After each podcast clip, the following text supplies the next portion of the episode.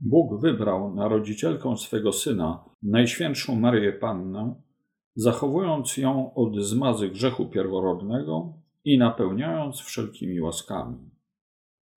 Na ziemskiego ojca wybrał Józefa z Nazaretu, mężczyznę pełnego cnót. Józef jest roztropny i potrafi obserwować rzeczywistość. Dostrzega wspaniałość swojej narzeczonej i raduje się głęboko, że będzie mógł spędzić swoje życie z tą niewiastą u boku, choć zapewne wie, że złożyła ślub dziewictwa. Kontakt z rzeczywistością pozwala dostrzec mu, że Maryja, zanim zamieszkali razem, jest w stanie błogosławionym. Z pewnością było to dla niego trudne. Józef nie wie, co w tej sytuacji robić. Zmaga się z myślami i postanawia oddalić ją potajemnie, aby nie narażać Maryi na zniesławienie.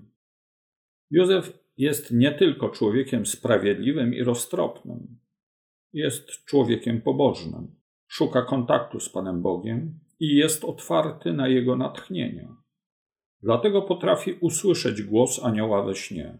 Józefie, synu Dawida, nie bój się wziąć do siebie Maryi, twojej małżonki, albowiem z Ducha Świętego jest to, co się w niej poczęło. Uwolniony od rozterek Józef bierze na siebie z radością brzemię ojcostwa. Ojcostwo, które jest darem i powołaniem każdego mężczyzny, budzi u wielu współczesnych przerażenie. Dlaczego tak się dzieje? Brakuje nam ludzkich cnót świętego patriarchy, stąd lęk przed odpowiedzialnością. Nie rozpoznajemy swojego powołania do ojcostwa, bo nie rozumiemy swojej natury, a często zaprzeczamy jej. Zdewastowani przez kulturę współczesną, szukamy przyjemności, zamiast otworzyć się na wspaniałość, którą chce obdarzyć nas Bóg. Braki współczesnych mężczyzn, istniejące zresztą od czasów grzechu pierworodnego, mogłyby zostać przezwyciężone przez pobożność i łaskę, którą chce nas obdarzyć Pan Bóg. Pobożność jest jednak towarem deficytowym w krajach dzisiejszego Zachodu. Modne teorie przedstawiają ją jako przyjaw niedojrzałości, a media masowe ośmieszają. Królewskie cnoty Józefa, pokora i miłość ujawniają się w dramatycznych okolicznościach związanych z narodzeniem Jezusa. Józef potrafi znaleźć odpowiednie miejsce na narodziny Syna Bożego. Nie biadoli, że w jego rodzinnym mieście, a pochodzi z królewskiego rodu Dawida, nikt nie chce przyjąć brzemiennej niewiasty i jego. Nie złorzeczy, że Pan Bóg nie troszczy się o nich. Potrafi dostrzec, że skrajne ubóstwo, którym rodzi się Syn Boży, stanie się świadectwem Jego królewskości. Józef jest wzorem dla nas, uzależnionych od wygód i zewnętrznych oznak prestiżu, że prawdziwa wielkość ujawnia się w pokorze i czystości.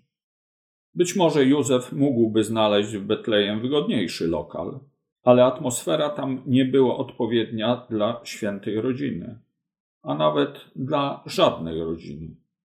Czy my potrafimy patrzeć w ten sposób na otoczenie, w którym wychowują się nasze dzieci? Sytuacja materialna świętej rodziny poprawia się radykalnie po hołdzie mędrców i przekazaniu przez nich darów. Bynajmniej nie oznacza to końca kłopotów Józefa. Tej samej nocy objawia mu się anioł pański i mówi: Wstań, weź dziecię i jego matkę i uchodź do Egiptu. Pozostań tam, aż ci powiem, bo Herod będzie szukał dziecięcia, aby je zgładzić. Józef nie odwleka wykonania polecenia do rana, jeszcze w nocy budzi żonę i syna i ucieka z nimi do Egiptu. Nie paraliżuje go świadomość, że w rodzinie wszyscy przewyższają go godnością. Jest świadom odpowiedzialności i nie boi się jej przyjąć. Widząc zagrożenie dla najbliższych, podejmuje działanie, które wypływa z inspiracji Bożej. Święty Józef jest wzorem dla wszystkich ojców. Troska o najbliższych jest obowiązkiem każdego ojca.